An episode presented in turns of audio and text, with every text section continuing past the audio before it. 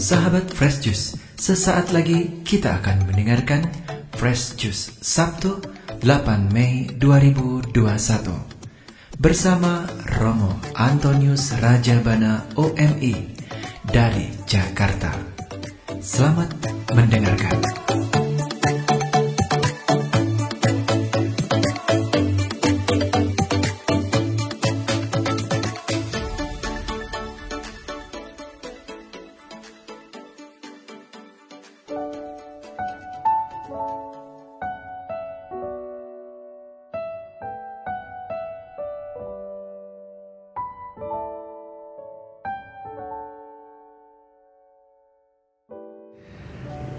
Selamat pagi para sahabat Fresh Juice yang terkasih. Jumpa lagi dengan saya Romo Antonius Rajabana OMI dari Paroki Kalideres Jakarta. Hari ini 8 Mei kita akan merenungkan bacaan Injil yang diambil dari Injil Yohanes bab 15 ayat 18 sampai dengan 21. Apa pesannya? Mari kita dengarkan. Dalam amanat perpisahannya, Yesus berkata kepada murid-muridnya, "Jikalau dunia membenci kamu, ingatlah bahwa ia telah lebih dahulu membenci Aku. Sekiranya kamu dari dunia, tentulah dunia mengasihi kamu sebagai miliknya. Tetapi karena kamu bukan dari dunia, Sebab aku telah memilih kamu dari dunia, maka dunia membenci kamu. Ingatlah apa yang telah kukatakan kepadamu. Seorang hamba tidaklah lebih tinggi daripada tuannya. Jikalau mereka telah menganiaya aku, mereka juga akan menganiaya kamu. Jikalau mereka telah menuruti firmanku, mereka juga akan menuruti perkataanmu. Tetapi semuanya itu akan mereka lakukan terhadap kamu karena namaku. Sebab mereka tidak mengenal dia yang telah mengutus aku. Demikianlah Injil Tuhan. Terpujilah Kristus. Para sahabat Kristus yang terkasih, bacaan Injil hari ini diberi judul Kamu bukan dari dunia sebab aku telah memilih kamu dari dunia. Apa maksudnya? Mengapa kita tidak dianggap berasal dari dunia ini? Apa yang dimaksud dengan dunia? Tuhan Yesus datang dari Allah, dari Bapa, menyatakan isi hati Bapaknya yang sangat mengasihi kita. Artinya, Tuhan Yesus bukan dari dunia ini, tetapi dia datang ke dunia ini untuk menebus kita. Nah, kemudian Tuhan itu memilih kita. Kita dipilih di antara dari dunia itu dan karena sudah dipilih oleh Tuhan untuk mengetahui isi hati Bapa, rencananya, kasihnya, maka kemudian kita juga diambil dari dunia, tidak lagi sama dengan dunia. Karena memang rupanya dunia yang dimaksud oleh Tuhan Yesus itu adalah kecenderungan-kecenderungan alamiah kita. Yang harusnya disesuaikan dengan kehendak Tuhan. Tetapi itu berarti apa yang berada di dunia, kecenderungan yang ada di dunia tidak sesuai. Dan karena itu sering kali timbul pertentangan. Dan kita yang sudah dipilih oleh Tuhan Yesus, diambil dari dunia ini, mempunyai cara pikir, cara pandang, cara tingkah laku yang berbeda. Yang sering kali justru berselisih paham dengan mereka yang tidak mengenal nilai-nilai yang dibawa oleh Tuhan yang dari surga. Karena itu tidak heran juga bahwa sering kali kita mengalami kesulitan untuk memahami pikiran ajaran Tuhan Yesus sendiri. Seringkali kontradiktif. Ya karena melawan kebiasaan yang ada di dunia ini di dalam masyarakat kita. Tuhan misalnya contohnya mengajarkan barang siapa mau menjadi pemimpin harus menjadi pelayan yang paling melayani. Gimana sih pemimpin malah jadi pelayan? Yang normal yang biasa di dunia ini, pemimpin itu ya yang berkuasa, yang jaga wibawa, yang sungguh-sungguh bisa sungguh-sungguh menempatkan dirinya di atas yang lain. Jaim. Ah, pemimpin itu harusnya gitu. Itu yang normal, yang biasa dipandang dari sudut pandang dunia ini. Tapi Tuhan Yesus beda. Mau menjadi pemimpin itu ya yang harus melayani, bahkan yang harus mengorbankan dirinya, memberikan dirinya sampai habis. Nah, bagaimana itu? Itulah karena kita bukan dari dunia, kita bisa mengerti karena kita sudah dipilih oleh Tuhan. Tapi yang masih berasal dari dunia ini tidak bisa mengerti. Karena yang diajarkan itu berbeda.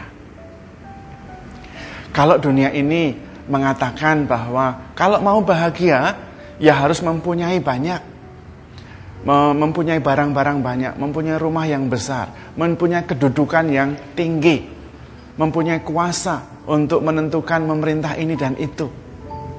Tuhan Yesus tidak.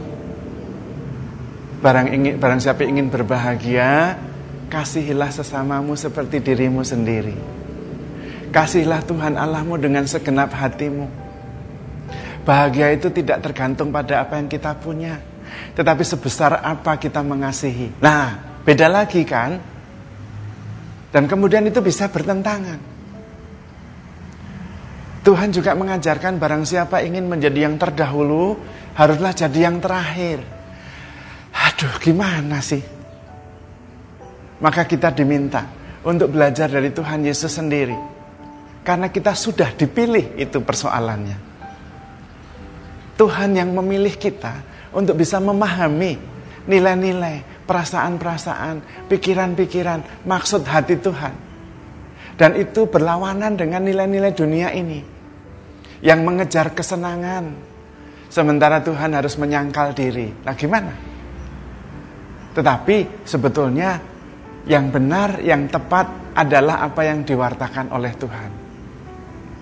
Dengan menyangkal diri, menyangkal egoisme kita, kita tidak akan banyak menderita.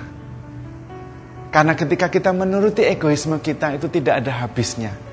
Dan kemudian kita terus menerus merasa kekurangan dan tidak bisa menikmati apa yang sudah diberikan. Karena seperti kita berlari mengejar terus, tujuannya masih ada di sana, maka kiri kanan kita tidak bisa melihat, tidak bisa menikmati. Padahal Tuhan sudah memberikan segala-galanya. Setiap hari semua alasan untuk membuat kita bahagia itu sudah cukup, sudah diberikan oleh Tuhan. Kita tinggal merasakannya, menikmatinya. Namun, karena terus terarah pada tujuan di masa depan yang belum saya punyai, kemudian saya tidak bisa menikmati, tidak bisa bahagia. Karena itu, kita perlu dan penting sekali mengenal, mengerti, memahami ajaran-ajaran Tuhan isi hati Tuhan, prioritas-prioritas pilihan-pilihan hati Tuhan. Karena kita sudah dipilih oleh Tuhan. Kalau tidak kita jadi bingung. Kita sudah dipilih oleh Tuhan supaya tidak sama dengan dunia ini, tetapi kita tidak mengerti nilai-nilai, prioritas-prioritas, harapan-harapan yang dari Tuhan. Jadi kita bingung. Malah kemudian kita bisa kemudian menyerah dan aduh saya tidak bisa, tidak tahan tidak bisa mengikuti ajaran Tuhan. Saya tidak bisa diambil dari dunia ini. Karena nilainya beda. Dan mendapatkan pertentangan begitu banyak dari dunia ini. Maka kemudian menyerah. Maka penting supaya kita tidak menyerah dan supaya kita menemukan sukacita dan kebahagiaan, kita harus mengerti isi hati Tuhan, pikiran-pikiran Tuhan, pilihan-pilihan, prioritas-prioritas Tuhan, karena kita sudah dipilih dan kita bisa hidup berdasarkan pilihan itu, prioritas itu, nilai-nilai itu. Dan kemudian kita bisa hidup dengan penuh sukacita. Dan itu adalah kebahagiaan yang sepenuhnya. Maka dengan memberi, dengan mengasihi, dengan makin terlibat, dengan makin menjadi berkat, itulah hidup yang membahagiakan.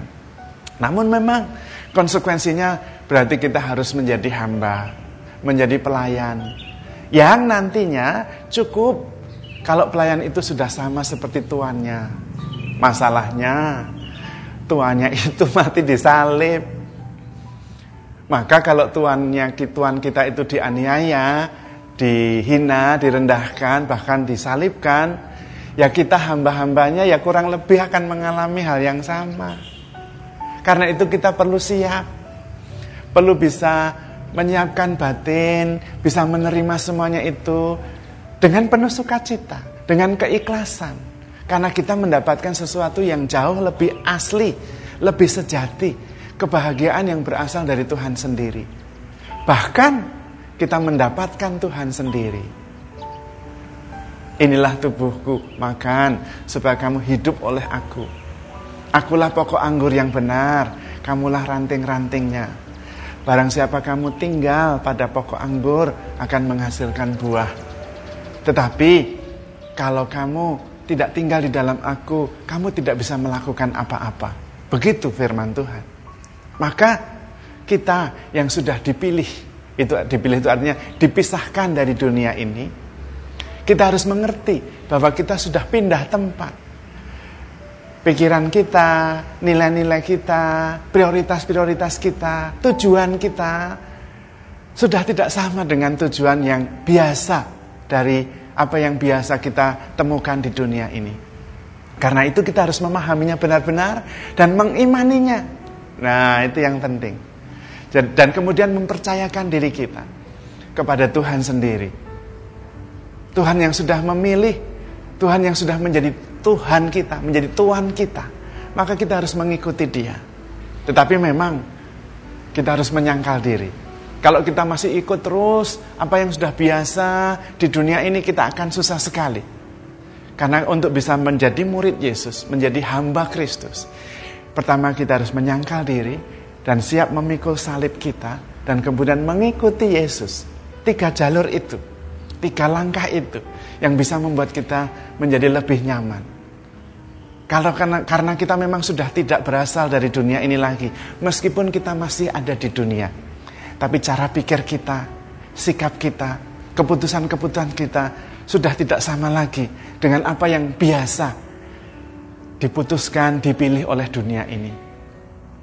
Namun jangan khawatir, kita sudah dipilih oleh Tuhan. Maka Tuhan akan memberikan kekuatan, memberikan berkatnya. Supaya kita bisa kuat menerima semua itu dan menjalaninya. Bukan hanya kuat, tetapi juga bahagia menjalaninya.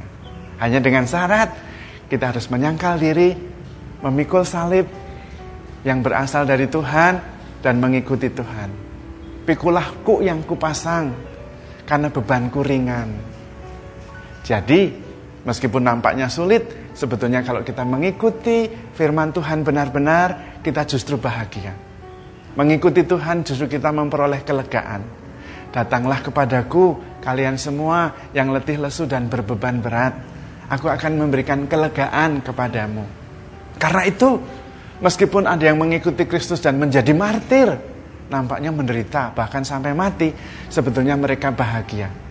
Bahkan Rasul Paulus pernah mengatakan, Rasul Petrus ketika dia habis diadili oleh mahkamah agama, kemudian dilepaskan, tetapi sebelum dilepaskan mereka disesah dulu, ketika lepas mereka bersuka cita karena boleh ambil bagian dalam penderitaan Kristus. Nah, bahkan menderita pun kalau mengikuti Kristus bisa menderita dengan penuh sukacita.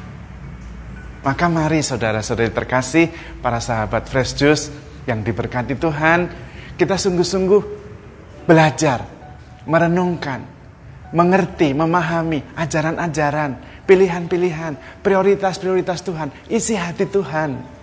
Supaya kita bisa menjalaninya, mengikutinya dengan hati penuh sukacita. Karena kita sudah bukan dari dunia ini, sudah dipilih oleh Tuhan, dipisahkan oleh Tuhan dari dunia ini, supaya kita bisa menikmati kebahagiaan surgawi dan kemudian mewartakannya kepada dunia sehingga pada akhirnya seluruh dunia diperbaharui oleh nilai-nilai surgawi, nilai-nilai cinta kasih, nilai-nilai pengampunan, damai sejahtera dan sukacita. Tuhan sudah memilih kita, Tuhan akan menyelesaikan pekerjaan yang baik yang telah dimulainya. Tuhan memberkati. Sahabat Fresh Juice, kita baru saja mendengarkan Fresh Juice Sabtu, 8 Mei 2021. Terima kasih kepada Romo Antonius Rajabana untuk renungannya pada hari ini. Sampai berjumpa kembali dalam Fresh Juice edisi selanjutnya. Salam Fresh Juice.